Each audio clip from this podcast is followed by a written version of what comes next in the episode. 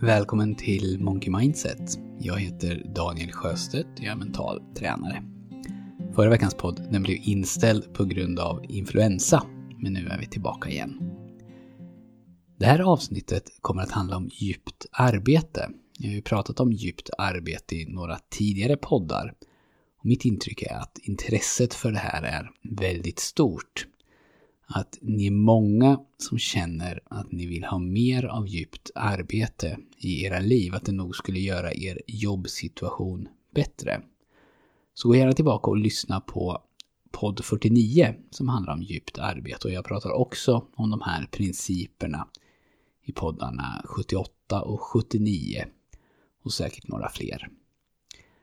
Men i det här avsnittet så kommer jag specifikt att prata om en handfull saker som jag har märkt gör skillnad för den som vill skifta till att börja arbeta mer så här, mer djupt. Och låt mig då börja med att definiera vad jag menar med termen djupt arbete. Ursprungligen så kommer begreppet från Cal Newport som har skrivit två böcker där djupt arbete tas upp. Den första heter So Good They Can't Ignore You och den andra heter kort och gott Deep Work. Och djupt arbete, så som Newport definierade, det handlar om att du som har arbetsuppgifter som eh, ibland är svåra, alltså som kräver tänkande eller någon annan typ av yrkesskicklighet, alltså i stort sett alla jobb idag.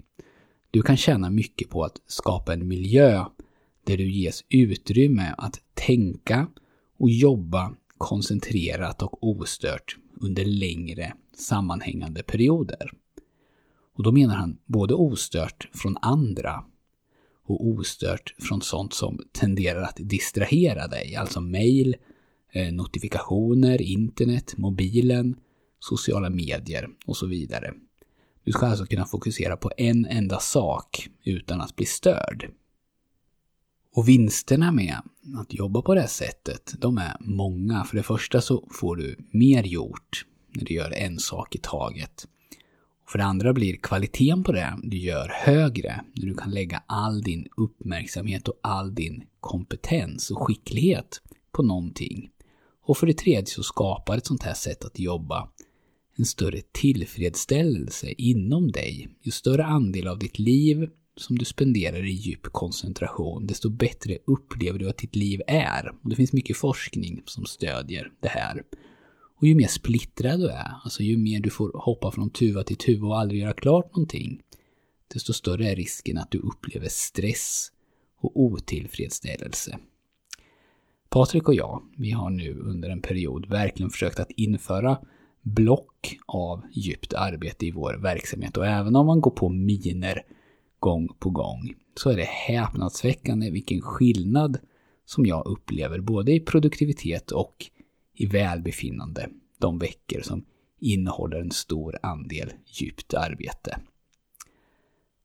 Men som du säkert intuitivt förstår så är det här ganska svårt att få till.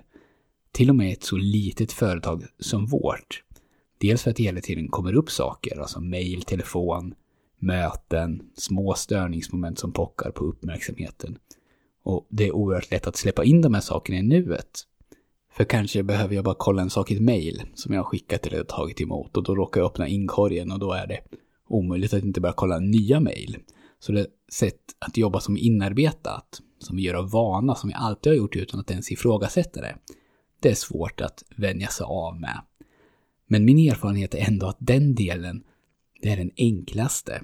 Genom att optimera sin miljö för djupt arbete, alltså stänga av notifikationer, stänga av internet om det behövs, planera lite i förväg och se till att referensmaterial om man behöver sånt finns tillgängligt och så vidare. Så är den här yttre delen av djupt arbete inte alls omöjlig i alla fall att införa. Och jag är övertygad om att det är möjligt att införa det på större företag också. Avdelning för avdelning. Men det som är svårt och det som kräver tanke, vilja, tålamod och eh, åtminstone på kort sikt ganska så stora uppoffringar det är att ta, ta sig över alla de inre hindren.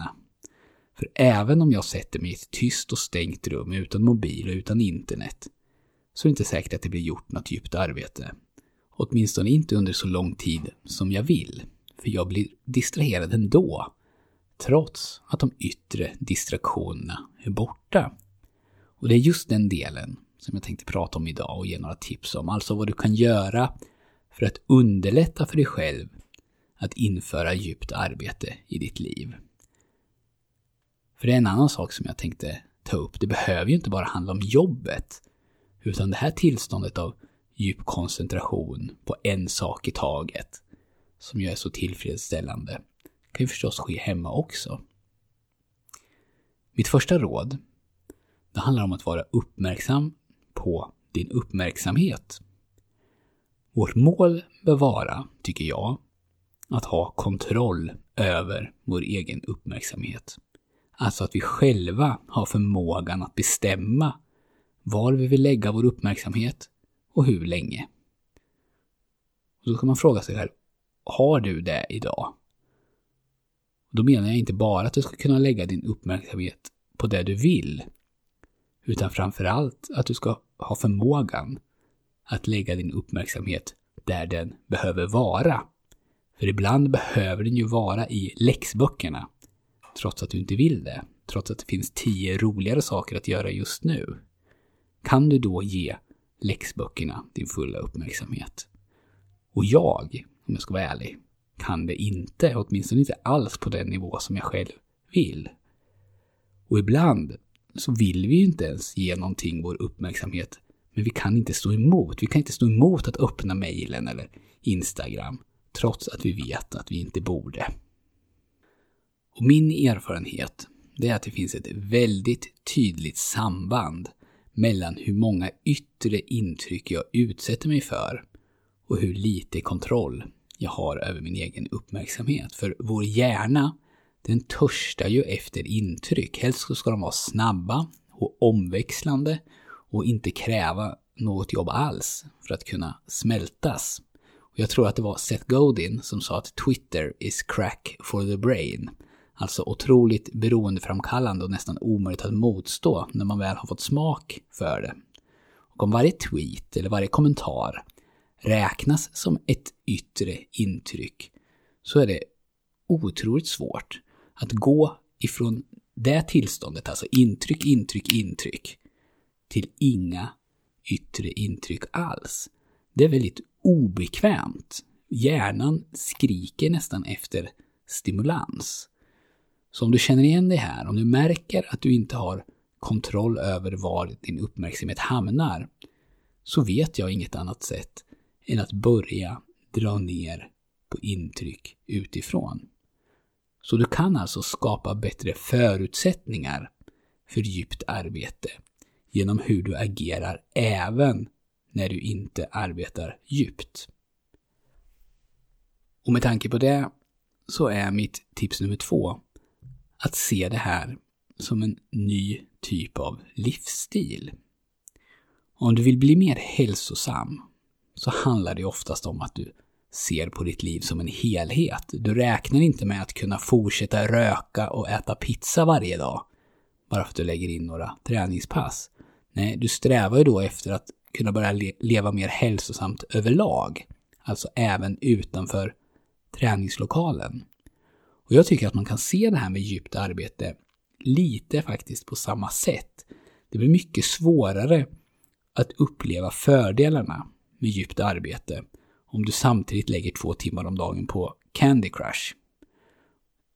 Och ett sätt att göra det här, som är barnsligt enkelt, men som för mig i alla fall har gjort stor skillnad, det är att dra ner på det digitala och istället börja läsa böcker. Om det digitala är snabbt och fragmenterat, många olika intryck, så är en roman långsam och sammanhängande. Du tränar hjärnan då att jobba på det sättet som den jobbar under deep work. Och jag har funderat på om jag ska säga det jag tänker säga nu, men jag tänker ändå dela med mig av en egen erfarenhet vad gäller det här. Och jag vill vara tydlig med att jag inte har läst om det här någonstans, alltså så har jag inte hittat några belägg för att det är så. Så det här är bara en personlig anekdot från mig. Och det kan såklart också vara så att jag tycker mig se ett mönster som egentligen inte finns. Men för mig så är det här tydligt. Så här upplever jag i alla fall att det förhåller sig. När jag drar ner på internetsurf, YouTube och annat och istället spendera min fritid, eller den fritid som jag normalt lägger på skärmar, till att istället läsa böcker, så sover jag färre timmar samtidigt som jag känner mig mycket mer utvilad. Och jag lämnar den meningen där, men min kropp och mitt sinne kräver mindre sömn. Och jag blir samtidigt mer utvilad, bara genom att byta skärmtid mot böcker. Och testa gärna det här själv och se vad som händer och du får gärna rapportera hur du upplever det här till mig. Om det är samma för dig eller om det här är någonting som jag bara har fått för mig. Mitt tredje och sista råd för den här gången det är att spendera lite tid på att ta reda på, genom att testa olika alternativ, hur schemat ska se ut för att du ska kunna fungera som bäst. Vilken tidpunkt passar det bäst för dig att arbeta djupt? Hur länge och hur ofta? De flesta som börjar med djupt arbete, de gör det direkt på morgonen innan man öppnar mejlen och får en massa andra saker i knät. Och då tror jag att de flesta känner att de har sin kreativa topp. Och det är störst chans att man då är utvilad och orkar arbeta så här. Patrik och jag försöker att lägga våra förmiddagar på djupt arbete. Sen spenderar vi eftermiddagarna med annat, admin eller svara på mail till exempel. Och det är också möjligt att du kommer att uppleva att du blir trött på ett annat sätt av djupt arbete än vad du blir av ditt vanliga arbete, ditt vanliga sätt att jobba. För mig har det till exempel hänt flera gånger att jag har varit taggad för en ny vecka och sen ägnat hela måndagen åt djupt arbete. I djup koncentration. För att sen behöva en eller två dagar till att återhämta mig, då inte mycket alls har blivit gjort. Och då försvinner ju en del av poängen med djupt arbete, så det är viktigt att förstå att du nog inte kommer att kunna ägna hela dina arbetsdagar åt djupt arbete, eller åtminstone att det kommer att krävas ganska mycket av dig. Så jag upplever att det är viktigare att vara noggrann med att ta regelbundna raster och att ta de rasterna på rätt sätt när man jobbar så här än vad det är annars. Jag kommer att prata mer om det i nästa avsnitt, men för att sammanfatta. Djupt arbete, det är alltså ett sätt att jobba där du fokuserar på det du gör, där du arbetar under relativt lång tid ostört med en och samma uppgift. Djupt arbete är bra för att du får mer gjort, kvaliteten på det du gör blir högre och du kommer också att uppleva en större tillfredsställelse i ditt liv. Men djupt arbete är också svårt att införa. Dels på grund av det praktiska, men kanske framförallt på grund av oss själva. För många av oss är ju inte vana med det här sättet att jobba och det krävs en del för att kunna vänja sig. Och mina råd för att skapa förutsättningar för det här, det är ju att 1. Var uppmärksam på din uppmärksamhet. Har du kontroll över var din uppmärksamhet går? Om inte, se om du kan börja dra ner på yttre intryck, särskilt snabba yttre intryck, för att börja träna din hjärna att fungera på det sätt som gynnar djupt arbete. 2. Se inte det här som någonting isolerat, utan om du vill införa det här i ditt liv så behöver du nog, eller det kommer åtminstone att underlätta för dig, om du ser det som en del av en livsstilsförändring. Det är någonting som du gör bland annat för din mentala hälsa. Och det är någonting som präglar hela din dag, inte bara de få timmar eller den enstaka timme som du ägnar åt djupt arbete. Och själv märker jag en stor förändring när jag byter ut skärmtid mot böcker. Och 3. Sätt ett schema som passar dig. Det är lätt att vilja för mycket.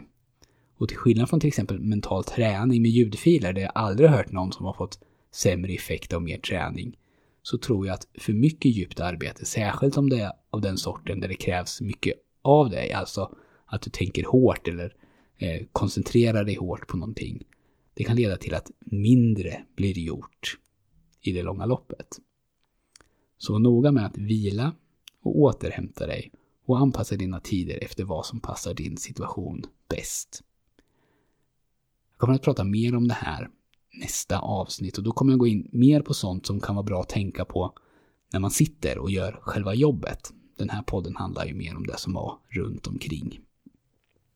Det var allt för den här gången, men innan jag säger hej då så vill jag gratulera vinnarna till de böckerna som vi lottade ut i samband med vårt hundrade avsnitt. Och vinnarna, det är, de är Mia Lundholm från Åled, Elin Arnåsen från Virsbo, Rickard Almgren från Borås, Emil Alberg från Lund, Anna Rudin från Göteborg, Julia Bornholm från Vallentuna, Ulrika Solders från Lövstabruk, Joakim Norberg från Johanneshov och Jesper Forsberg från Amsterdam. Stort grattis till er! tack för att du har lyssnat. Vi hörs igen nästa vecka.